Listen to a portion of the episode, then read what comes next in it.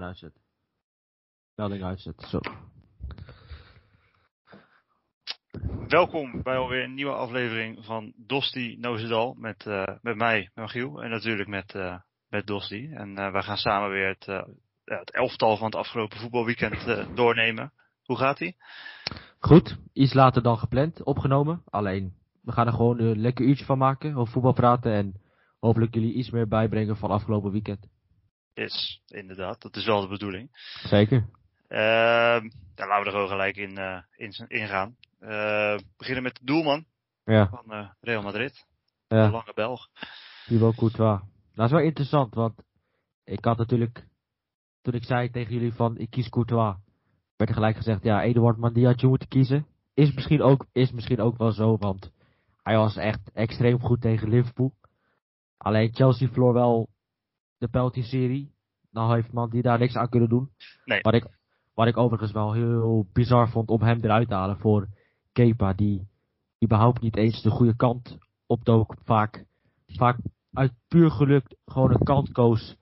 Ja, dan ben je geen penalty killer en dan vind ik niet dat je, ja, dat je, kijk het is geen krul die toen bij Nel zelf tot erin kwam en had getraind op die penalties en elke keer in de goede hoek lag.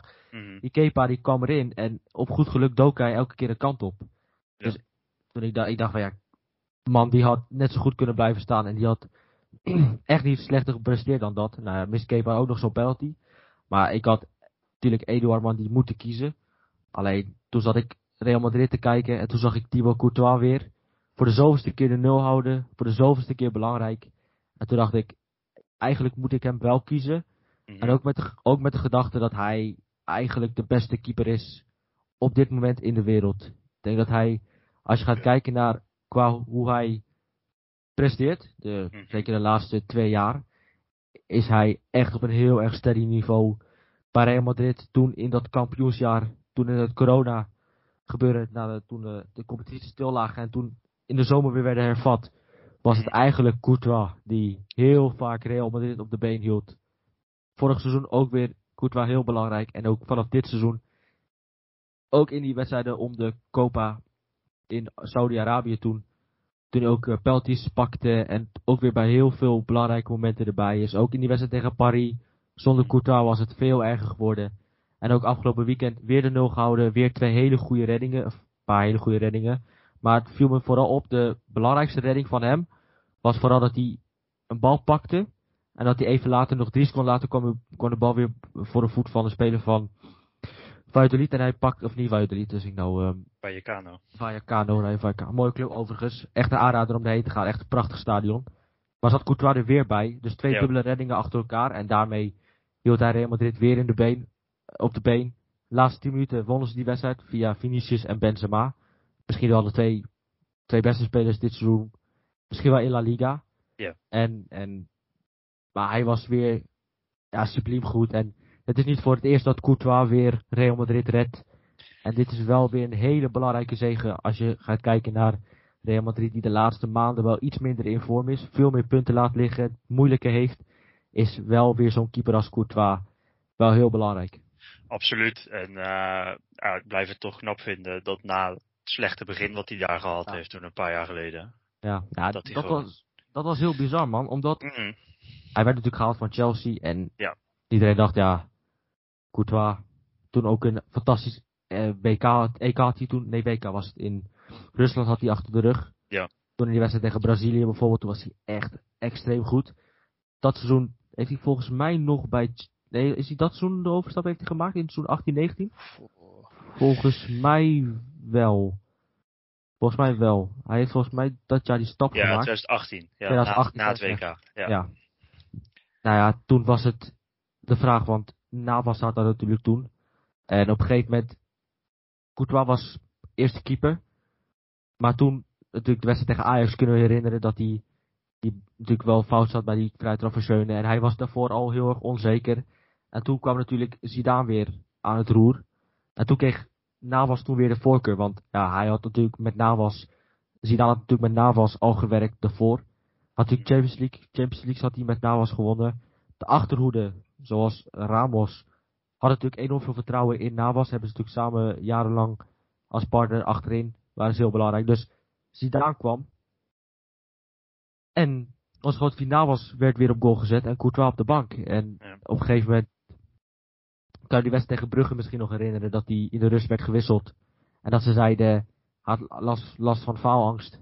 Ja, en Ja. iedereen dacht op dat moment, het is klaar met Courtois bij Real Madrid. Het is misschien wel klaar, want het werd echt heel zielig op een gegeven moment. Hij, als je in de rust gewisseld wordt en dan faalangsten worden bijgehaald, dan zo'n grote keeper, als zo'n ja, topkeeper als Courtois, die natuurlijk bij Chelsea jarenlang echt uitstekend heeft gedaan. En dan zo als een lulletje rozenwater wordt neergezet bij Real Madrid.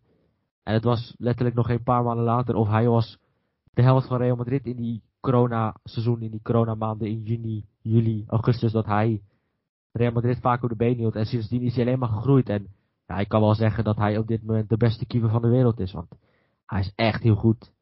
Hij, hij pakt gewoon heel veel punten voor Real Madrid. Beslist heel veel wedstrijden voor Real Madrid. En ja, je kan toch wel stellen dat als je gaat kijken naar Ter Stegen, die natuurlijk bij, bij, bij Barcelona goed begon, maar in een mindere periode is dat Oblak, die dit seizoen echt heel matig is, die Ja. Ook veel blunders maakt, natuurlijk heel veel tegen goals tegenkrijgt. Ja, Courtois is gewoon al jaren op een heel erg steady niveau. Absoluut. En hij is pas 28 ook. Dus Ja. voor een keeper is hij nog jong, zou je haast zeggen. Ja, en natuurlijk de, zijn lengte is, Ja. dat zit natuurlijk heel erg mee als je gaat kijken naar de lengte die hij heeft. Kijk, Kjell Scherpen heeft ook de lengte, maar Ja, Courtois heeft gewoon ja, geweldige reflexen, reddingen, met zijn voet, met zijn handen, met alles. Het enige wat hij niet heeft is, hij kan niet geweldig voetballen. Nee. Maar als je gaat Ja. hebben over qua hoe hij, hoe hij ballen pakt, dan is het echt de beste van de wereld. In my opinion. absoluut. Eh, ja, eens. Niks aan toe te voegen. Eh, Al, al had ik Eduard Man die net zo goed kunnen kiezen, want die was ook weer echt extreem goed. Tuurlijk. Honorable mention. Ja, honorable mentions. Die, eh, Honorable mention. die eh, zetten we er gewoon lekker bij. Ja, tuurlijk. We blijven in Madrid. Naar Lodi. Ja, Atletico. Renan Lodi, die speelde Ja. als, als linksmidden. Mhm. speelde in een driemansverdediging. En hij speelde als linksmidden. En wat ik mooi vond aan die wedstrijd was Renan Lodi die elke keer eroverheen ging. En Kondogbia die de ballen daar neerlegde. En Ja. ja. dat was wel mooi om te zien. En Renan Lodi met zijn diepgang, met zijn snelheid eroverheen. En dan twee keer die bal erin leggen. Ja, zo won Atletico met 2-0. Belangrijke zegen voor Atletico. Absoluut. Want die draaien eigenlijk een heel erg matig seizoen voor de rest in La Liga. We spelen veel punten. Krijgen ook veel tegengoals tegen. Wat je gewoon niet gewend bent van Atletico. Want als je denkt aan Atletico, denk je aan die geweldige achterhoede die weinig goals tegen. Oblak die er eigenlijk als ze dan een kans tegen krijgen, die er altijd staat. Ja, dit seizoen is het een stuk minder. En dan is het natuurlijk wel fijn dat je 2-0 wint, de 0 houdt. En er zo natuurlijk nog ja, in de race bent om eh, Champions League plaatsen. Want het is wel, het is wel moeilijk hè, als je gaat kijken naar Betis, eh, Real, eh, ja, Real Madrid natuurlijk, Sevilla. Ja. Ja, Bar- Barcelona die eraan komt, die op dit moment echt bloed ruikt. Want die zijn misschien wel het beste in vorm op dit moment. Als je gaat kijken naar ook het spel. Dan is deze zege belangrijk. En genoten van Kondogbia, die de ballen er elke keer neerlegde. En Lodi die elke keer die diepgang maakte, er overheen ging. En zo twee keer scoorde. Ja, eh, ik vond die eerste wel houdbaar. Maar dat volledig terzijde. Eh, Ja, Hij was wel houdbaar, maar het was ook wel, Ja. het was ook wel on- onverwachts geschoten. Ja, daarom. Eh, wat jij zegt inderdaad, het is bij, bij Atletico gewoon verdedigend echt niet wat je, Ja. wat je ervan zou verwachten. Want ze hebben gewoon meer tegendoelpunten dan bijvoorbeeld Getafe. Getafe staat vijftiende. Ja, Dat is, ja, normaal waren zij natuurlijk, ja, echt het verdedigingsblok stond daar altijd. zeker. En natuurlijk had je ook Oblak, die als je een kans tegenkreeg, kreeg, Mhm. was het Oblak altijd die er stond. En ook dit seizoen maakt hij wel een redelijk twijfelachtige indruk. Want Ja. hij zit er ook vaak niet goed bij. Dat is wel, nou, dat is niet, niet iets wat je verwacht bij Atletico. Alleen de harde realiteit is wel, ze zijn natuurlijk in de loop der jaren wel echt belangrijke spelers achterin kwijtgeraakt. En als je kijkt naar Godin, ja, de echte leider van de ploeg. En ik had eigenlijk verwacht dat als Go- dat Godin vertrok, toen hij vertrok, dat het toen al mis zou gaan bij Atletico. Alleen dat hebben ze, hebben ze redelijk met Felipe die ze gehaald hebben en Hermoso die ze hebben en Jiménez die, die weer terug is, die overigens wel prima een seizoen doormaakt. Ehm, maar ja, het is, wel, het is wel anders bij Atletico. Ze krijgen veel goals tegen. En ja, als je dan ook nog Oblak hebt die niet in zijn beste vorm zit, ja, dan krijg je dit. En dat is heel vreemd om te zien. Maar ja, goed, ze zitten nog steeds in de race om de Champions League. Maken nog steeds kans op de volgende ronde. Dus als je zo gaat bekijken, is het niet een heel apart seizoen. Het valt alleen wel op dat ze veel goals tegenkrijgen. En het is niet stabiel. Nee, dat sowieso. Maar wat je zegt, als je naar de stand kijkt, dan is er eigenlijk niks verloren. Want ze staan één puntje achter Betis. Ja, ja. ja Betis afgelopen weekend verloren. We gaan zo meteen nog over die wedstrijd hebben, want ik heb een speler gekozen uit die wedstrijd. Koop Alleen, op, inderdaad. Ja. Koop nog op. Fantastische speler. Alleen, ja goed, er is niks verloren. Alleen als je kampioen bent van Spanje, vorig jaar ben je kampioen geworden. Dan kan je wel zeggen, Real Madrid, Barcelona waren toen ook niet in best te doen. Alleen als je kijkt naar dit seizoen, ja, het valt gewoon op. Het valt gewoon op dat ze gewoon niet stabiel zijn. Dat ze veel goals tegenkrijgen. Absoluut. Tegen Getafe laatst ook uh, stonden ze 3-2 achter in de 40ste minuut. Ja, dat is niet iets wat je gewend bent bij Atletico. Dat je, in, ja, dat je gewoon goals tegenkrijgt. En ook de keeper Oblak die gewoon niet een zekere indruk maakt. Ook tegen Valencia toen ze 3-1 voor stonden. En in de minuut 90 stonden ze 3-1 voor en het werd nog 3-3. Ja, dat zijn niet dingen die je achter Atletico 1-2-3 zoekt. Absoluut, nee. Nee, het is inderdaad, daar, ja, daar, daar zullen ze echt wel wat aan moeten gaan doen. Uh, ja. ja, zeker. Dit, kan eigenlijk gewoon niet. Ja, ik vraag me wel af of het misschien wel tijd is voor Exit Simeone. Die zit daar al heel lang. Ja, frisse wind. Op een gegeven moment is het misschien wel tijd om te gaan bedenken of er of je misschien toch niet iemand anders zou moet neerzetten. Want het wordt wel, op een gegeven moment lijkt het wel een beetje uitgewerkt te worden tussen de trainer. En als je op een gegeven moment ziet dat, het, dat je minder presteert en het begint misschien zo, als het zo blijft en misschien volgend seizoen ook zo blijft, moet je op een gegeven moment wel uit elkaar en moet je iemand anders, misschien met een frissere wind, misschien met een ander speelstijl, moet je proberen om ja, iets anders ervan te maken. Want het is wel heel lang. Hoe lang zit hij er al? Een jaar of elf? elf jaar volgens, mij, volgens mij in de, december 2011 is hij gekomen. Ja, dat is lang. Dat is heel lang. ik, kan, ik kan, niet, kan me niet van de laatste jaren herinneren dat een trainer zo lang er heeft gezeten. Dan moeten echt tijden teruggaan als zo Wenger en ja. trainers, maar Ferguson. Ferguson. Maar het is wel heel lang, elf jaar. Ja, ja absoluut. Um, je hebt het natuurlijk heel vaak over dat je spelers op een gegeven moment in een selectie moet gaan doorselecteren. Ja. Zeker. Ja, je hebt het bij, je hebt het bij Bayern gezien, hè? Mm -hmm. Ribéry, Robben, het werd op een gegeven moment gewoon... Je moest op een gegeven moment vangen. Ja. En dat hebben ze gedaan. En nu met Sané, Gnabry, Coman, ja, hebben ze weer frisse, frisse wind aan die kant. En ik denk, het is wel, Atletico mist wel één prijs nog. En dat is wel de Champions League. En mhm. daar hebben ze wel dichtbij gezeten een aantal keren. In de finale tegen Real Madrid. Toen, ze hebben er twee keer echt heel dichtbij gezeten. Toen ze in de laatste seconde in die finale in 2014 die penalty, of deze, die corner van Ramos die erin ging. En die penalty serie die toen gewoon Fran op de paal schoot. Dus ze hebben er twee keer echt heel dichtbij gezeten. Tegen Real Madrid nog steeds. De, nog, dat is misschien nog erger dan tegen Real Madrid nog. Alleen, dat is misschien wel prijs die misschien nog wel ontbreekt. Maar als je gaat kijken voor de rest. Ja, hij is twee keer kampioen geworden met Real Madrid, uh, met Atletico in 2014 in Camp Nou. Dat mhm. was, dat was heel knap. Dat was die wedstrijd waarin Godin die 1-1 maakte. Nou, ze hebben natuurlijk verschillende Champions League finales gespeeld. Mm ja, ze hebben natuurlijk hele mooie spelers ook gehad met, met Griezmann in die, echt in die topperiode die ze hebben gehad. Ja, Juan Fran aan die rechterkant. Godin die ze hebben gehad.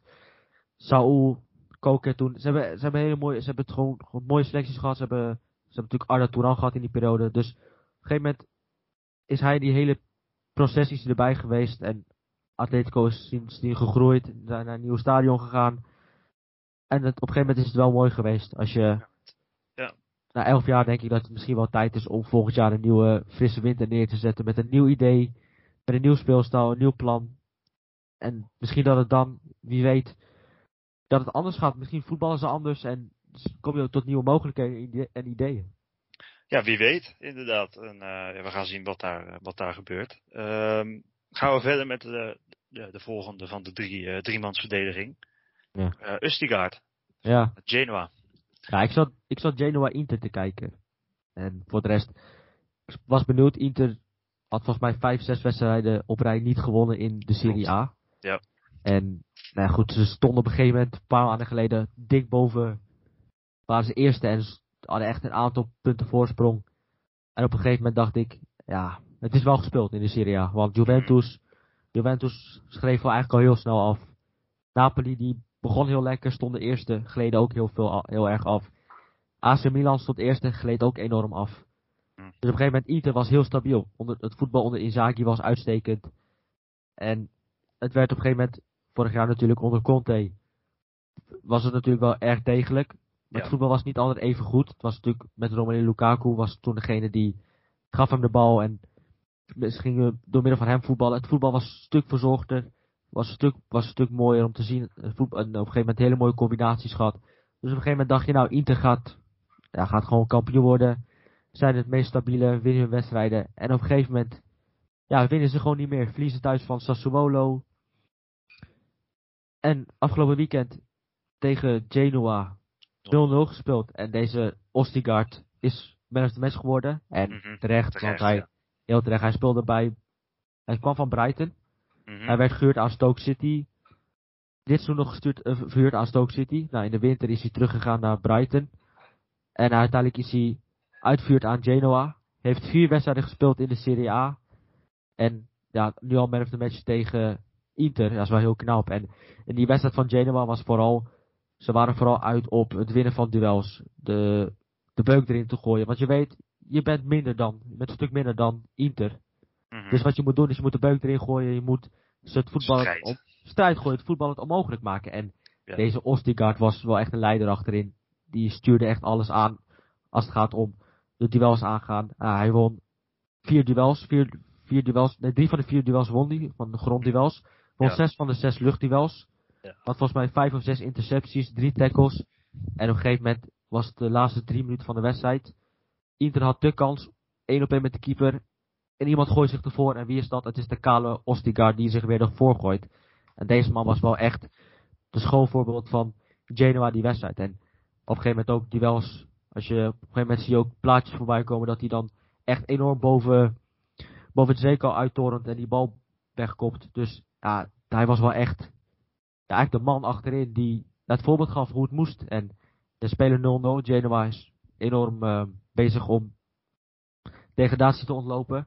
En dan is zo'n punt tegen Inter wel bonus. Ook al dat Inter niet heel lekker erin zit. En gisteren tegen AC Milan, ja, het was echt... Het ik was geluren. Ik die, ik heb die wedstrijd gekeken, maar het was echt fouten op fouten. Het was echt enorm. Het was een on, onzekere wedstrijd. Allebei maakten ze een onzekere indruk. Het voetbal was niet goed. Op een gegeven moment zat ik in de rust te kijken. Milan had 53% van hun lange passes kwamen aan. Het was, het was heel veel verkeerde keuzes, veel balverlies. Het was, je zag gewoon dat beide ploegen niet in vorm waren. En ondanks dat is het natuurlijk wel heel knap dat Genoa daar een punt vandaan houdt. En deze Ostigard die nog geen minuut heeft gemaakt in de, in de Premier League. Bij, Mhm. heeft geen minuut gemaakt in de Premier League. Heeft e- één wedstrijd gespeeld in de tweede Premier League. Tweede niveau van de Premier League. Ja. Heeft twee EFL Cup wedstrijden gespeeld. 13 Championship wedstrijden. Nou ja, goed. Als je gaat kijken, je vierde Serie A wedstrijd, je staat tegenover Zeko, tegenover Lautaro Martinez. En je kan dit presteren. Ja, is wel heel knap. Tuurlijk. Ja, absoluut. En, en het maakt ook de titelstrijd heel spannend. En houdt Ja. hem eigenlijk heel spannend. Want Zeker. Ja, er, is daar, er is daar eigenlijk niemand, wat je al zei, Nee. die, Zeker. die daar echt een beetje de leiding in neemt.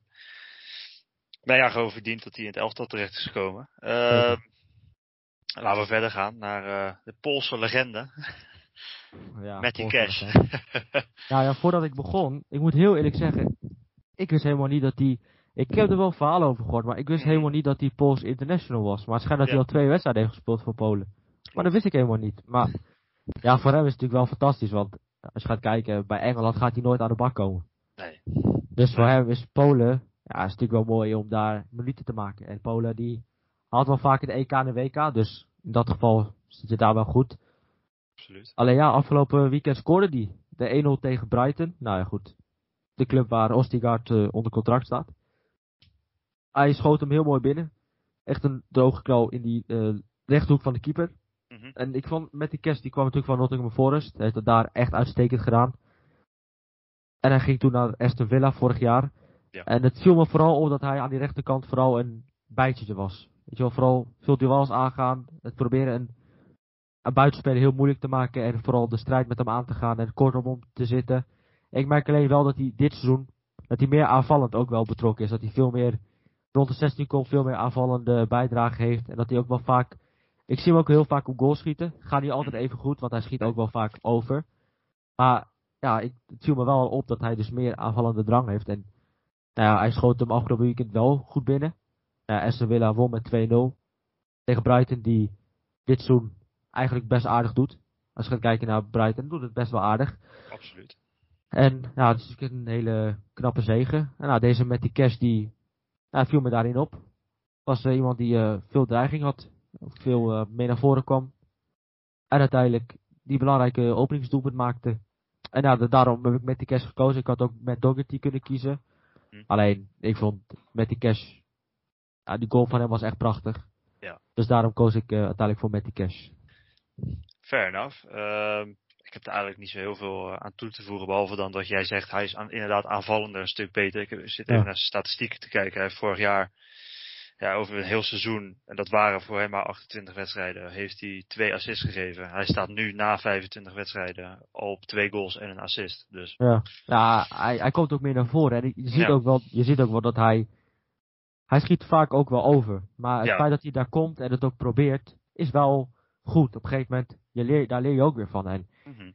ja, goed, dat doelpunt van afgelopen weekend. Ja, dat, dat was wel een voorbeeld van blijven proberen en het komt, het komt wel. En ja, dat was wel, dat vond ik wel, wel mooi om te zien bij Matty Cash, dat hij dat de hele tijd blijft proberen en op een gegeven moment je leert ervan en dan maak je ook zo'n doelpunt. Ja, absoluut. Ehm, ja, laten we verder gaan naar eh, sp- oud, oud Twente speler uit eh El Ja. Gran Derby. Ja. Tecatito. Ja. Ik, vind, ik vind het wel mooi. We kennen hem natuurlijk als Jesus Manuel Corona. Ja. Maar hij wordt gewoon eh Tecatito genoemd. En ja, Sevilla won met 2-1. Hele belangrijke zegen. Mhm. Tegen nummer 3 Beetjes. Nummer 2 tegen nummer 3. De El Gran Derby sowieso. Haat en nijd tussen die twee enorm. We hebben het gezien met de supporters van Betis die toen de staal gooiden naar Juan Jordan. Toen die wedstrijd werd afgelast, de dag daarna werd gespeeld. Nou, eh, Sevilla verloor die wedstrijd toen uiteindelijk nog met 2-1. Nou, dit was wel een moment om, om sportieve wraak te nemen natuurlijk op Betis. Ja. En deze Tecatito aan de rechterkant. Ja, dat deed alles goed wat hij goed moest doen. Acties maken, mensen bezighouden. Op een gegeven moment had hij de bal even de, over, eh, de bal gewoon eh, langs iemand heen spelen, de, de andere kant omheen gaan. Een voorzet geven, de bal komt in de 16. Uiteindelijk Bravo die, eh, die iets te hard uitkomt en uiteindelijk de speler van Sevilla raakt. Volgens mij was het Eddie Siri. Mhm. Ik weet niet precies Ja. wie het was. En uiteindelijk krijgen Sevilla daardoor een penalty. Maar hij was aan die rechterkant niet te houden. Met zijn paasjes, met zijn acties. En sowieso vind ik, hij werd voor 5 miljoen gehaald ongeveer.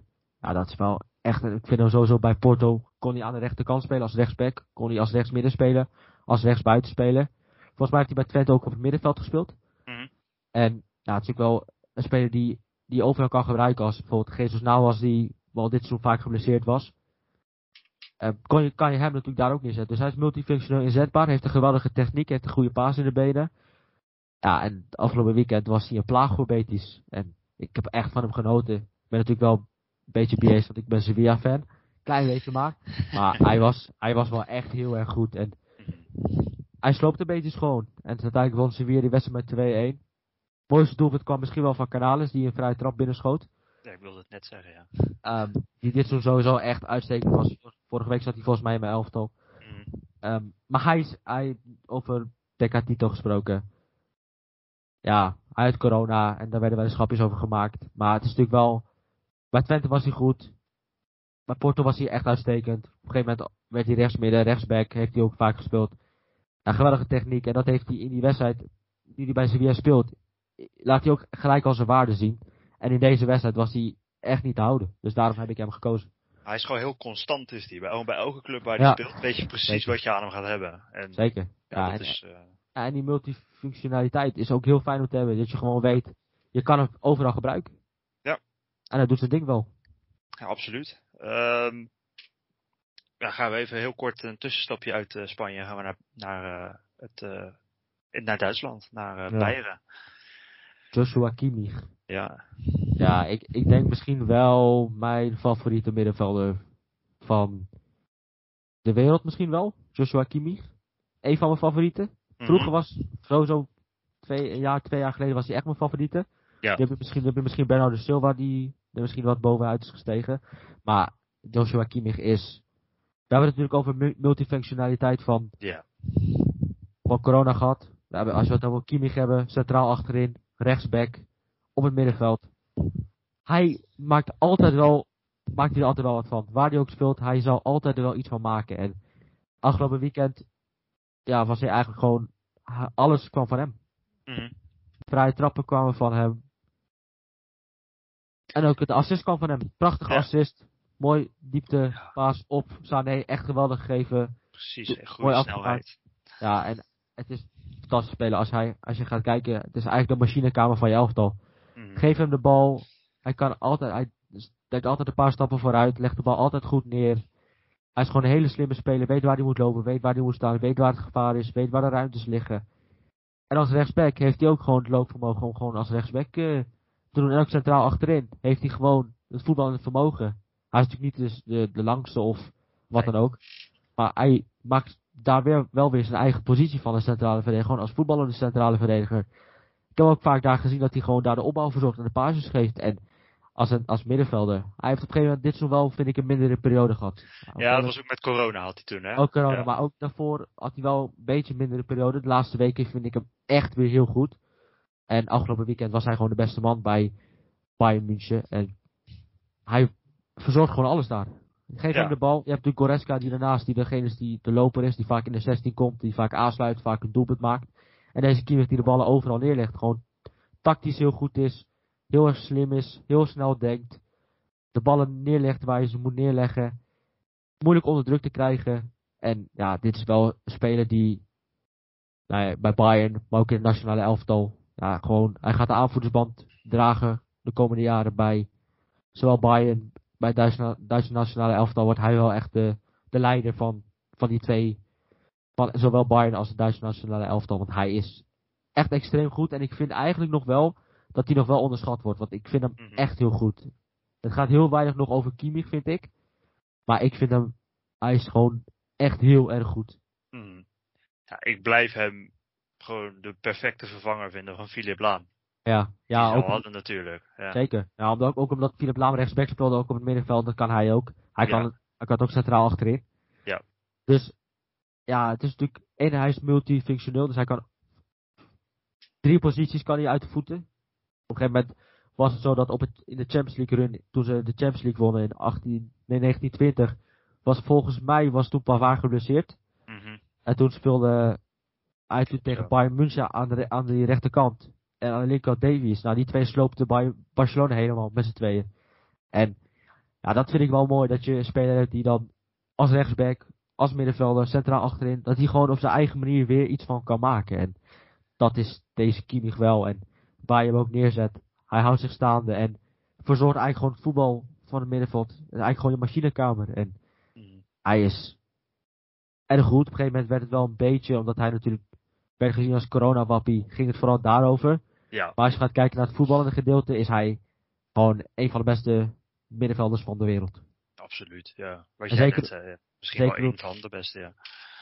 Ja, hij, hij heeft sowieso in dat, in dat jaar 2020 en was hij echt heel goed. Ja. En in de Champions League was hij heel goed, in de Bundesliga was hij heel goed. En hij was toen wel misschien wel de beste middenvelder van 2020. En hij, ja, hij is natuurlijk, hij kwam natuurlijk bij Leipzig en hij werd natuurlijk door Pep Guardiola, die, Mhm.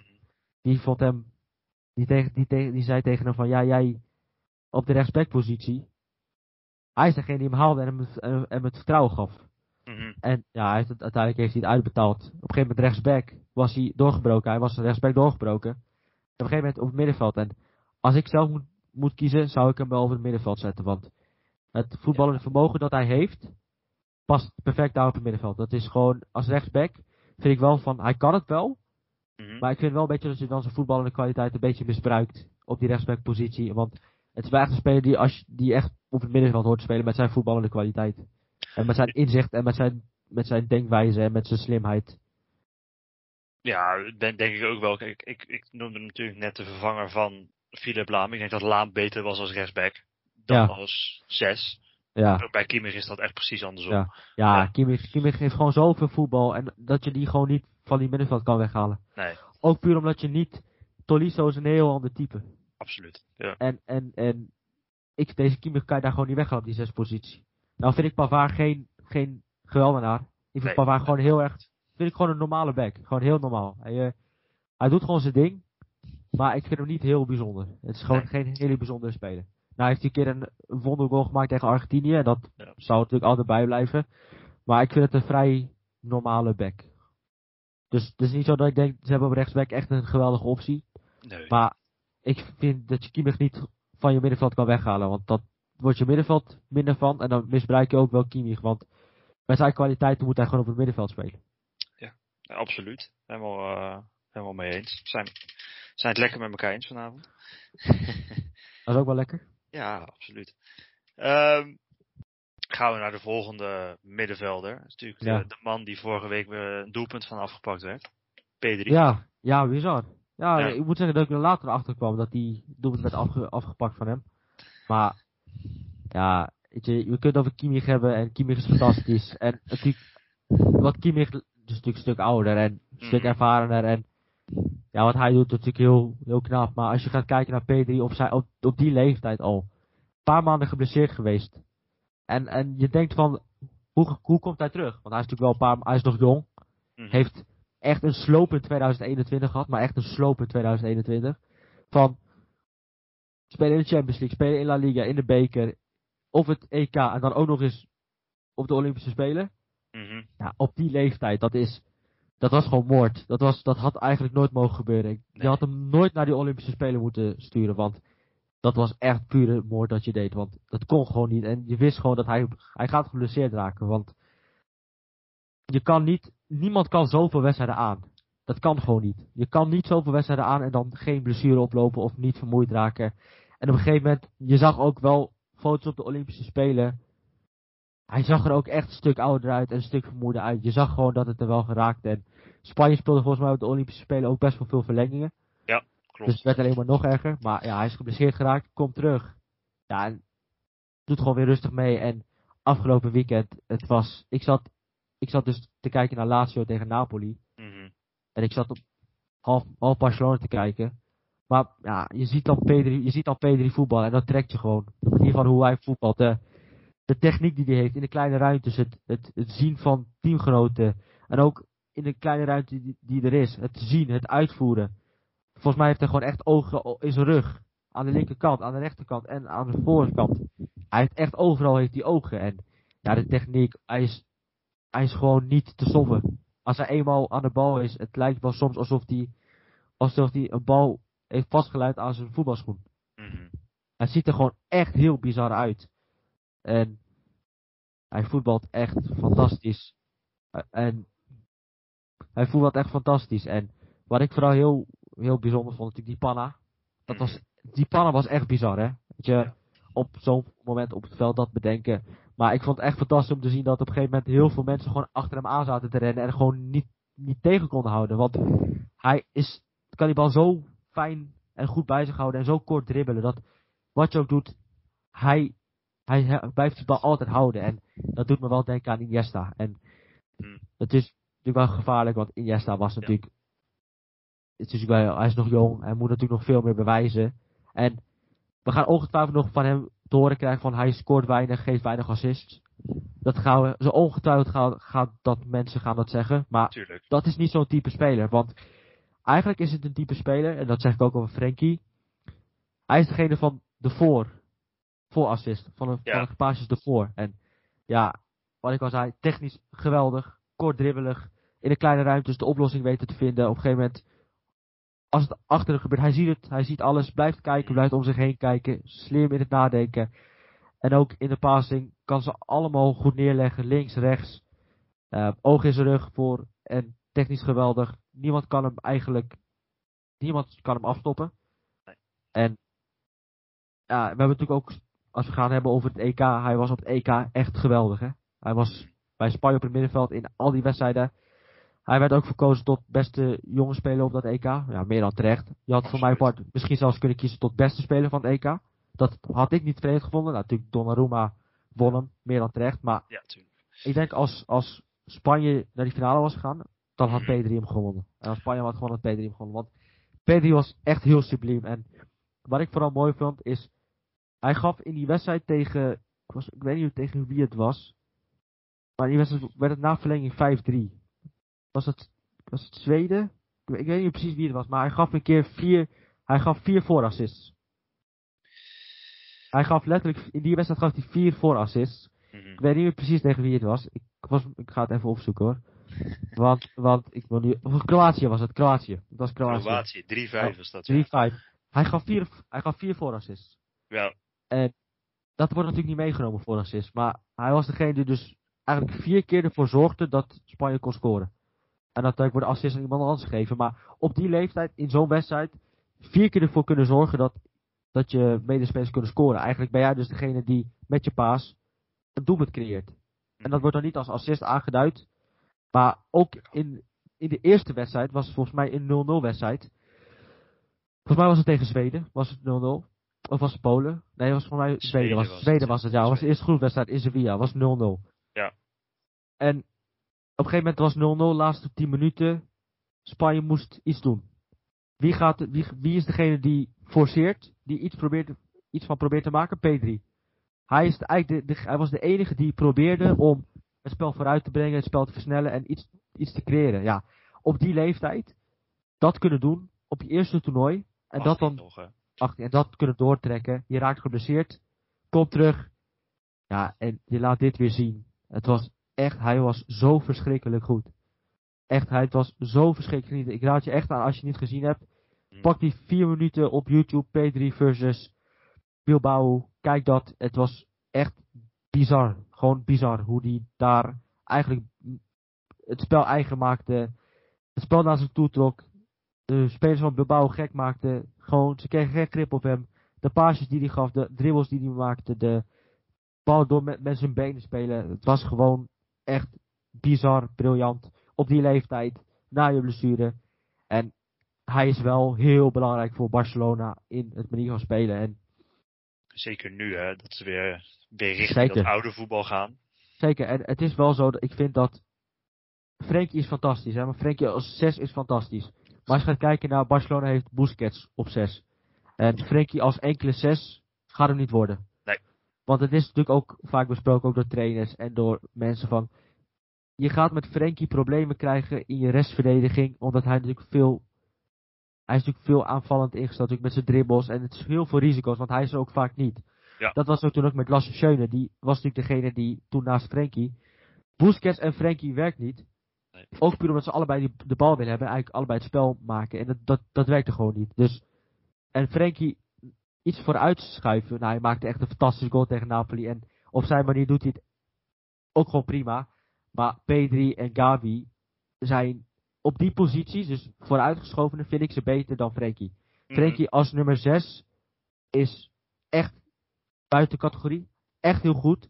Maar ik vind eigenlijk dat hij bij dit Barcelona de plek niet heeft om echt te excelleren en om echt zijn kwaliteit te laten zien. Hij kan het wel.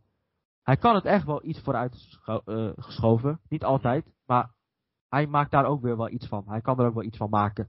Maar echt op zijn positie waar hij echt het beste is, vind ik Barcelona niet voor hem geschikt. Nee, nee, eens. Hij zou eigenlijk een soort Casemiro naast zich moeten hebben, die gewoon altijd achterin blijft. En hij er gewoon degene is die op mag bouwen elke keer.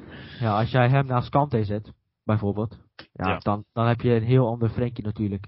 En ik vind Frenkie is, ik vind het gewoon zonde voor Frenkie en voor de kwaliteit, kwaliteiten die Frenkie heeft. En hij is de laatste weken ook wel echt wel een stuk beter. En Barca draait, Barca draait beter en hij draait ook beter. Want het is gewoon een geweldige voetballer. Dus hij kan er echt wel wat van maken. Maar als je gaat kijken naar waar wil je Frenkie hebben, als nummer 6, degene die het spel verdeelt, degene die eigenlijk je elftal als je onder druk komt te staan, is je elftal uit de druk, druk spelen, wat hij bij Ajax tegen Juventus heeft gedaan, waarin Ronaldo op een gegeven moment zei, jongens, Frenkie, eh, Frenkie die draait ons helemaal door, want elke keer als we onder druk zetten, hij speelt er onderuit. Dus wat gaan we daar tegen doen?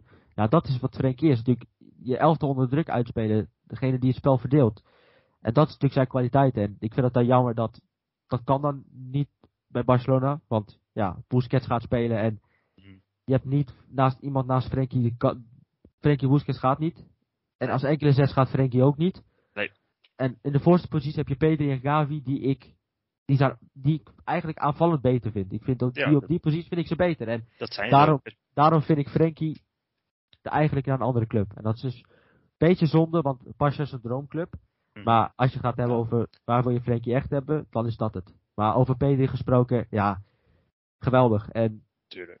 en die gaat 100%, die gaat 100% ons nog meer verbazen. En hoe ouder die wordt, hoe nog beter die wordt op een gegeven moment. Het is, het is gewoon, het is op dit moment sowieso heel leuk om Barcelona te kijken. Want Mhm. vroeger dacht je, waar, ga je, waar kijk je Barcelona voor? Je, op een gegeven moment had je Dest, die heet daarmee naar voren kwam en 500 mislukte voorzetten gaf. Naar helemaal niemand. Want er stond niemand in de spits. Ja, er stond Memphis in de spits, maar Mhm. daar ga je geen, die ga je geen eh, voorzet op geven. Dit weekend wel trouwens, maar dat volledig terzijde. Ja, ja, maar, maar dat was- maar dat- normaal gesproken niet natuurlijk. Nee, nee, maar dat was wel, was wel kort voorzet. Dat was wel laag voorzet met Dembele. Maar goed. Maar met Des is, ja nee, nee, maar dat is terecht punt dat je zegt. Dat is, dat is vooral heel terecht. Want je kan wel een, je kan wel een voorzet op hem geven. Mhm. Alleen niet in de lucht. Nee. Niet, niet vaak in de lucht. En bij. Dest was, Dest was constant voorzetten. Op goed geluk. Het leek een beetje op, op gewoon Engelse vijfde niveau voetbal, weet je wel. Mhm. Gewoon kick en rush. En we Gooi zien het wel. En nu zie je- voor en je ziet het wel. Ja, en nu zie je echt veel meer diepgang in de ploeg. Met Aubameyang, die daar ook genomineerd is voor beste speler van de maand februari in La Liga. Met, nou ja goed, ik heb onze grote, grote vriend Traoré tot aan de grond toe ver- verbrand, zowat. Eh, maar hij heeft nu gewoon vijf wedstrijden, vier assists. Eh, die heeft daar ook het licht gevonden. Ferran Torres die daar kan spelen. Dembele die invalt, die twee goals, assists. Of een goal en twee assists volgens mij. Mhm. Dus er zit veel meer voetbal in, veel meer dynamiek in, veel meer diepgang in. En ja, goed, met deze P3 erbij op het middenveld heb je ook veel meer, veel meer voetbal erbij. En ja, het, het, het is gewoon nu leuk om Barcelona te kijken. En afgelopen weekend verslaan ze Bilbao gewoon met 4-0. Nee, absoluut. En eh, als je in het weekend niks te doen hebt, zet vooral de wedstrijd van Barcelona aan. Want Nou, dan ben ik wel benieuwd eh, dit weekend tegen wie ze spelen eigenlijk. Ja, nu ben Oh, ik nee. ook wel oh nee. tegen Eltje. Nou ja, Ja, Gewoon aanzet. Nee, gewoon ja, aanzet. gewoon aanzetten. Zeker. Tuurlijk. Zeker. Tuurlijk. Eh, we blijven in Spanje. Ja. Jeremy of Pino. Ik weet niet precies welke, welke naam ze nou echt gebruiken bij hem. Maar Was, ja, volgens mij gebruiken ze wel Jeremy. Volgens mij Ja. staat Jeremy op zijn shirt. ja, voor mij ook ja. Ja. Maar ik had op Twitter gezet eh, Pino het elftal van de week en dan eh, met Pino van Sesamstraat. Dus Mhm. We ja, houden Pino aan. we houden Pino aan. En, laten we maar gewoon hebben over de Pino van Villarreal. Want over de Ja. Pino van Sesamstraat weet ik niet heel veel. Nee. Maar ja, vier, vier goals. En ik moet zeggen, ik, vond, ik, vind het wel, ik vind het een heel leuke voetbal aan de rechterkant. Weet je, echt een...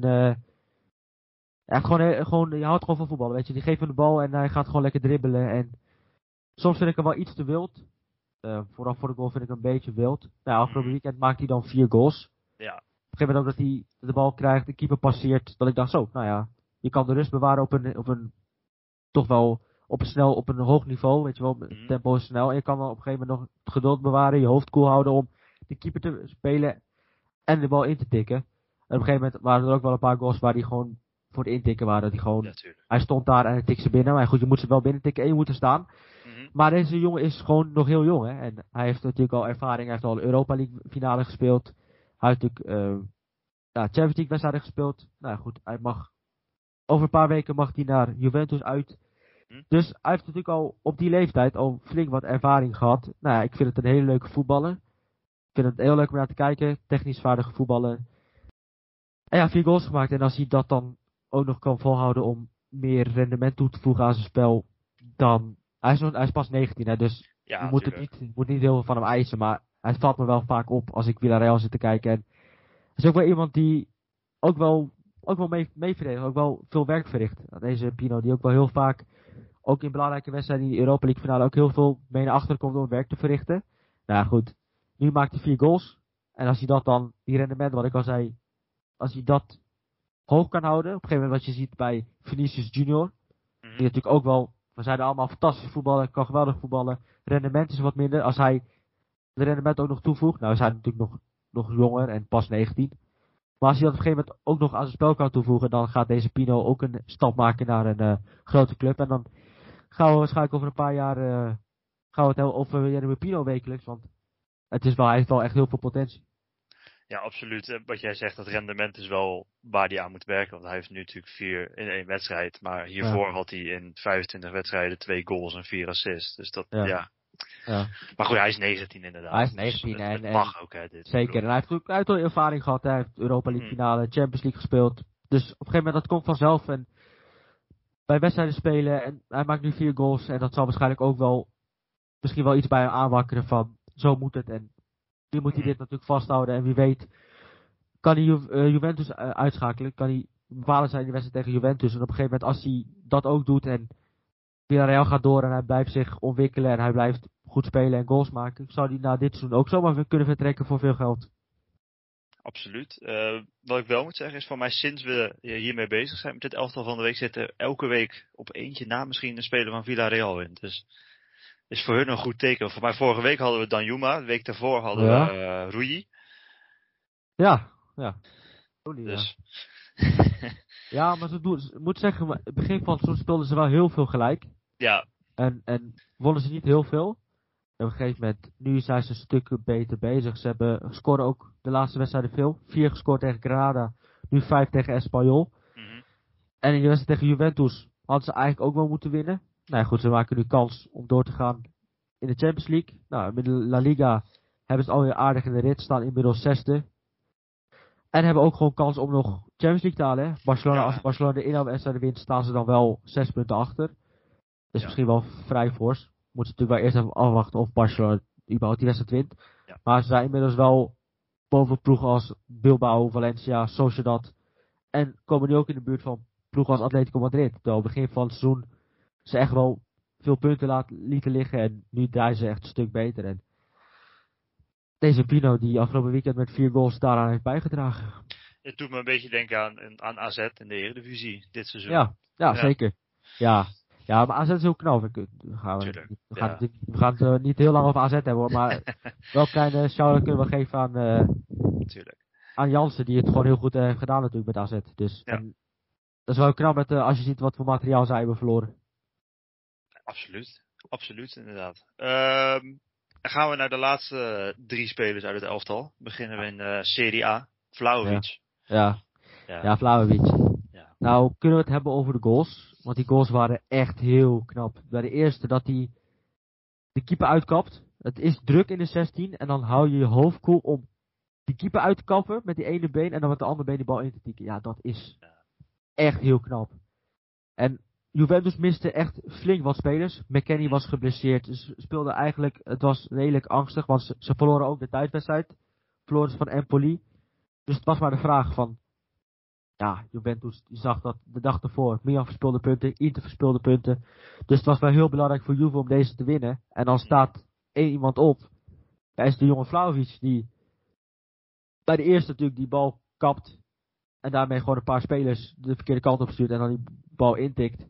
En even later de bal krijgt en hem gewoon over de keeper heen stift. Alsof hij daar gewoon, en loopt gewoon weg alsof hij gewoon, alsof het de normaalste zaak van de wereld is. En dan, het mooiste vond ik nog wel is, aan het einde van het fluitsignaal, dat, je, dat hij dan, scheidsrechter de fluit af en hij valt op de grond en dan juichen, eventjes keihard juichen, eruit schreeuwen. Ja, dat is wel de winnaarsmentaliteit die Juve nodig heeft. En Mhm. natuurlijk, hij stond ook in het beste transfers elftal die we gemaakt hadden toen. Ja. En ja, hij speelt, nou, volgens mij over 20 minuten speelt hij tegen zijn oude club. Mhm. Fiorentina Juventus. Ben ik wel heel benieuwd naar. Als we hier klaar mee zijn, ga, ga ik dat kijken. Maar, ja, dat is wel, dat is natuurlijk wel, dat hebben ze natuurlijk wel nodig gehad. Hè? Want als je kijkt. Dybala is wel flink vaak geblesseerd. Fantastische voetballer, maar vaak geblesseerd. Morata vind ik oprecht, wordt vrij onderschat, maar vind ik oprecht voor Juventus gewoon echt een hele nuttige speler. Alleen je miste wel echt iemand als Vlaovic die gewoon op de belangrijke momenten de, een kans krijgt en gewoon een doelpunt maakt. En ze winnen dan afgelopen weekend met 3-2. Twee goals van Vlaovic. Ja, dat is toch wel fijn om een spits te hebben die dan, als het moeilijk gaat, en ook in de wedstrijd dat het moeilijk gaat en je mist veel spelers, is het toch altijd fijn om een spits te hebben die weet, geef hem een kans, hij scoort hem, hij maakt hem af. In plaats van dat je zoveel kansen krijgt en gewoon, dat je gewoon veel kansen nodig hebt. Want hij heeft gewoon niet veel kansen nodig. En ook de manier hoe hij doelpunten maakt, is natuurlijk ook, hij maakt van helemaal niets, kan hij iets maken. En dat is wel heel knap. En deze Vlaovic, ja, dat heeft Juventus hele goede zaken gedaan om hem binnen te halen. Absoluut, hij heeft wat gekost, maar dat, dat levert hij vooralsnog ook Ja. wel op. Maar het is natuurlijk wel wat ze misten nadat Ronaldo wegging. Dat Ja, de speler waarvan je weet, als hij hem krijgt in de 16, dan gaat hij sowieso op doel. Ja, ik Dat vind, dit, ik vind dit een veel logischer aankoop dan Ronaldo. Mhm. Ik vind deze Vlaovic een veel logischere aankoop, ook qua de toekomst en qua je Mhm. beleid. Ja. Vind ik dat wat je nu voor Vlaovic doet, vind ik stukken beter. En ik weet ook 100% zeker dat hij veel meer waarde gaat hebben voor Juventus. Niet per se qua waarde qua geld, Nee, maar qua financieel, maar gewoon qua waarde op Het veld. Gaat hij veel meer brengen, omdat het ging wel heel, Ronaldo had wel heel veel, had wel heel veel eisen. Was wel echt, had wel, alles ging, draaide om Ronaldo. En ik denk dat het Mhm. bij Vlaovic wel een stuk minder is. En hij gaat natuurlijk, Ronaldo werd puur gehaald voor de Champions League en dat soort dingen. En op korte termijn, Vlaovic is wel echt op lange termijn. En hij laat het nu zien. Uh, hij had op een gegeven moment in die wedstrijd tegen Villarreal. Ja, hoe die die bal ook binnen schiet tussen twee mensen uitdraaien, schiet hij zo binnen in de hoek. Ja, je ziet gewoon daar de klasse vanaf, vanaf druipen. En dat is wel wat je nodig hebt. Een spits die, wat ik al zei, van niets iets kan maken, maar ook gewoon een kans krijgt. Wat niet eens een, makkelijke kans is, maar er wel iets van mee te maken en een doelpunt maakt. Ja, da daardoor win je wedstrijden, door dat soort spits. absoluut. Eh, blijven in, eh, in Italië. We hadden het net al even over zijn vader. Ah ja, Simeone. ja ik zat al na te denken van Italië en Simeone. Ja. Ja, Simeone, die begon heel goed aan het seizoen, hè. En Mhm. op een gegeven moment had hij, had hij ook weer een keer vier goals gemaakt. En tegen Juventus had hij ook twee goals. En hij viel een keer in, had hij ook weer als wissel twee goals. Maar ik moet zeggen dat ik de laatste maanden wel, vond ik wel iets stiller rond hem. Hij maakte niet meer heel veel doelpunten. En afgelopen weekend maakte hij er opeens weer drie. En Ja. ook wel veel goals, ook wel de goals dat die redelijk intikkers waren. Ja, maar hij staat wel op de juiste plek. En hij maakt wel doelpunten. En ik vind het wel mooi dat ja, zijn vader natuurlijk, die natuurlijk met ontzettend trots op hem is natuurlijk. Als je ziet wat hij presteert dit seizoen in de Serie A.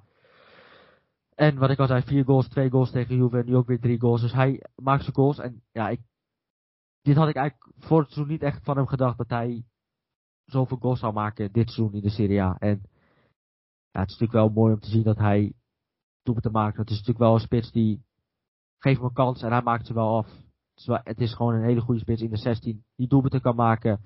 Geweldige trap heeft. Hij Ja. maakt echt geweldige goals. Staat vaak op de juiste plek. En ik weet niet hoeveel doelpunten die nu heeft gemaakt. En ik weet ook niet hoe lang hij. Ik weet ook niet hoe lang hij stil, hoe lang hij droog staat. Want voor mijn gevoel. Eh, hij heeft- heeft, in dit seizoen heeft hij de 15 gemaakt, maar hij had zijn laatste competitiedoelpunt op 12, 12 december gemaakt. 12 december, ja. Ik dacht Ja. ik vond het toch wel vrij stil rond Simeone. Want Ja. het was eigenlijk wekelijks Simeone die weer een doelpunt maakte. En het ging vrij stil. Maar ja, goed, eh wie weet, ja, 15 goals sowieso heel, heel ziek hoor. Als je kijken naar, ik, ik weet niet precies wat zo'n Moyenne is de jaren ervoor. Maar, maar het was geen, het was geen iemand die eh, veel doelpunten maakte. In, Nee. in, en dat hij dat dan nu bij Hellas Verona doet. Het, eh, het meeste wat hij ooit gedaan heeft is eh 17, 18, zo had hij de 14. 14. Dus, Bij welke club zat hij hier toen? Oeh, ehm ja, even kijken. Genoa volgens mij. Genoa. Nee, Fiorentina was dat. Fiorentina. Fiorentina. Ja, Fiorentina, ja. ja is, wel lang, is wel lang geleden. Maar Mhm. Ja, het sowieso Hellas Verona, daar, dus, het is wel fijn om daar in de spits te staan. Want ze hebben echt wel goede spelers. Ze hebben Caprari ervoor. Ze hebben Barak ervoor. Mhm. Het zijn wel hele fijne spelers om achter je te hebben. En wat ik al zei, je hoeft vaak in de 16 te staan. Goed te staan en je maakt een doelpunt. Dus het is voor hem, het is ook wel echt de perfecte club. En voor hem is het gewoon perfect om daar bij Hellas Verona in de spits te staan. Ook met de spelers die daar rondlopen. Achter hem, voor hem. Nou ja, Caprari heeft die goede band mee, link mee. Ja, Ja. Barak, nou, hij staat daar in de spits en hij maakt zijn doelpunten. Nou, hij heeft 15 gescoord. Nou, hij maakte dus 14 in 17, 18. En nu heeft hij er al 15 gemaakt. En we hebben nog twee maanden te gaan. Dus wie weet haalt hij de 20 wel. Als hij, hopelijk voor hem dat hij nu weer een beetje die vorm terugpakt van voor december. Als hij dat een beetje terugpakt, kan hij zo rond de 25 goals eindigen. En dat zou wel voor hem echt heel veel vertrouwen moeten geven dat hij opeens in een seizoen 25 maakt. En wie weet dat hij daardoor ook gewoon de transfer omhoog verdient. Mhm. De vraag of hij het aan kan, weet ik niet. is lastig. Ja. Maar ik vind wel dat wat hij dit seizoen presteert wel heel goed is. En heel knap is. ja. En, en ja, een maken. Ja, en, en natuurlijk zijn vader zou enorm trots op hem zijn. En terecht, want 15 goals maken bij een club als Hellas Verona in de Serie A. Is gewoon hartstikke knap. Ja, is heel knap. Ja, absoluut. En eh, ik denk dat we daarmee alweer bij de laatste eh, van het Ja. elftal zijn. Moet je me even helpen. Mbappé. Ja, ja, gek hè, dat ik die dan weer vergeten. De, misschien wel de beste speler in het hele elftal. Ja. Ja, ja, ik had ook Messi kunnen kiezen. Ja. Die gaf die ballen echt, echt geweldig aan Mbappé. Maakte ze goed af Mbappé. Maar datgene wat me over heeft gehaald is die assist van hem. Ja. Dus een buitenkantje. Toen hij hem daar neerlegt. Ja, dat is klasse. Dat is bizarriteit. Hij had de bal aan de rechterkant. En met een buitenkantje geeft hij me zo voor. Defensie was helemaal nergens trouwens. Van Saint was helemaal nergens. Danilo kon vrij binnenkoppen. Over Danilo gesproken. Die is opeens een goalgetter geworden. Want die maakt bijna wekelijks een doelpunt. Al ging hij wel bij de doelpunt van saint flink de fout. Hij draaide de verkeerde kant op. Raakte de bal kwijt. En gelijk een doelpunt. Want hij raakte in de 16. eh, voor zijn eigen 16 raakte hij hem kwijt. Ja. Maar over MLP gesproken. Ja, het is wel echt een geweldige voetballer. En het is, er wordt wel vaak gesproken over Mbappé, Haaland. En we hebben natuurlijk ook, ik heb natuurlijk gezegd, ik heb met, Be met Beni in de podcast ook over gehad. We moeten natuurlijk genieten van dat soort spelers. Hm. En ze hebben natuurlijk allebei hun eigen kwaliteiten. Haaland natuurlijk, heeft natuurlijk de snelheid. Natuurlijk ook gewoon de kracht en, en, en de, de inzet. En, en maakt heel veel doelpunten. Echt heel veel doelpunten. En Mbappé is natuurlijk technisch beter. Alleen het zijn natuurlijk op hun eigen manier gewoon twee wereldspitsen. En Mbappé natuurlijk ook aan de zijkant kan hij spelen. Dus Mbappé speelt ook vaak aan de zijkant. En ja, die, die, die, assist was echt heel mooi. En de doelpunten die hij maakt zijn heel mooi. En twee goals assist. Ja, bepalend. Ja, dit is natuurlijk wel... Hij brak natuurlijk door bij Monaco toen.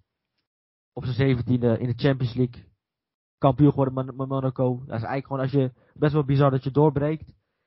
En je bent belangrijk gelijk in de Champions League. En je maakt Monaco... Nou ja, niet zijn eentje kampioen. Maar deels kampioen.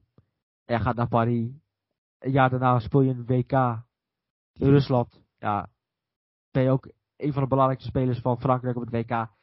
Hij brak natuurlijk zo jong door op een gegeven moment dat je gewoon op een gegeven moment bijna vergeet hoe goed hij is. Want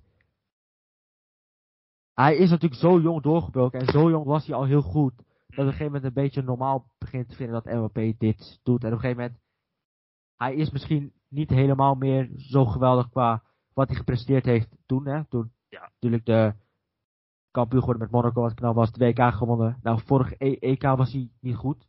Hij wist natuurlijk die penalty-serie, maar hij was daarbuiten ook niet zo goed. Ehm, ja, Paris wordt elk jaar kampioen in Ligue 1. En dat is eigenlijk helemaal geen, geen belangrijk iets meer. Als, kijk, als hij bij Monaco toen hij kampioen werd, daar werd gewoon vaak naar gekeken. Want ja, Monaco werd kampioen. En dan Mbappé. Ja, dat is knal. Dat is bijzonder. Dat, dat, dat is heel bijzonder. Maar Paris dat kampioen wordt, daar wordt gewoon niet zo naar gekeken. Maar ja, Paris, met zo'n selectie moet je elk jaar kampioen worden. En in de Champions League, nou ja goed, hij liet tegen Real Madrid zien. Met die goal dat hij maakt even mensen uitkappen en erin schieten. Ja, nu, het is natuurlijk voor hem wel het moment om Champions League te gaan winnen. Ja. Om echt, echt die volgende stap te zetten, moet je wel echt de Champions League winnen om die aanzien nog te krijgen. Want op een gegeven moment, hij is natuurlijk geweldig, maar weinig mensen geven iets om de League. En daarom is het natuurlijk wel, blijft hij een beetje hangen bij mensen een beetje daar van die Mbappé van 2018. Hè, dat hij dat, daar blijft hij een beetje in hangen, voor mijn Ja. gevoel. Klopt. En terwijl het gewoon een geweldige voetballer is en een van de beste spitsen, misschien wel de beste, daar ga ik geen uitspraak over doen, want dat mag iedereen zelf doen, maar een van de beste spitsen van de wereld. En hij moet natuurlijk wel, ik denk dat als hij de stap zou maken naar Real Madrid, nou goed, hij werd, wat ik gisteren las, misschien wordt zijn contract verlengd.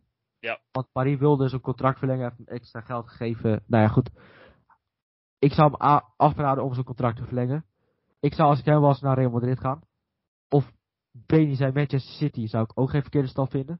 Want als spits van Manchester City, ja, je gaat zoveel ballen krijgen. Je gaat zoveel goals maken. Maar City, Real Madrid, dat, dat, is gewoon, dat zijn gewoon, de competities hebben gewoon veel meer aanzien. Mhm. En Ja. dat maakt het wel, dat maakt het wel heel, heel, heel bijzonder natuurlijk. Dat deze MLP die, een clubkeuze kan heel veel, kan heel belangrijk zijn. Dus ja, en wat ik al zei, ik, zou hem echt aanraden om gewoon een stap te maken naar Real Madrid, naar Manchester City. Dus ja.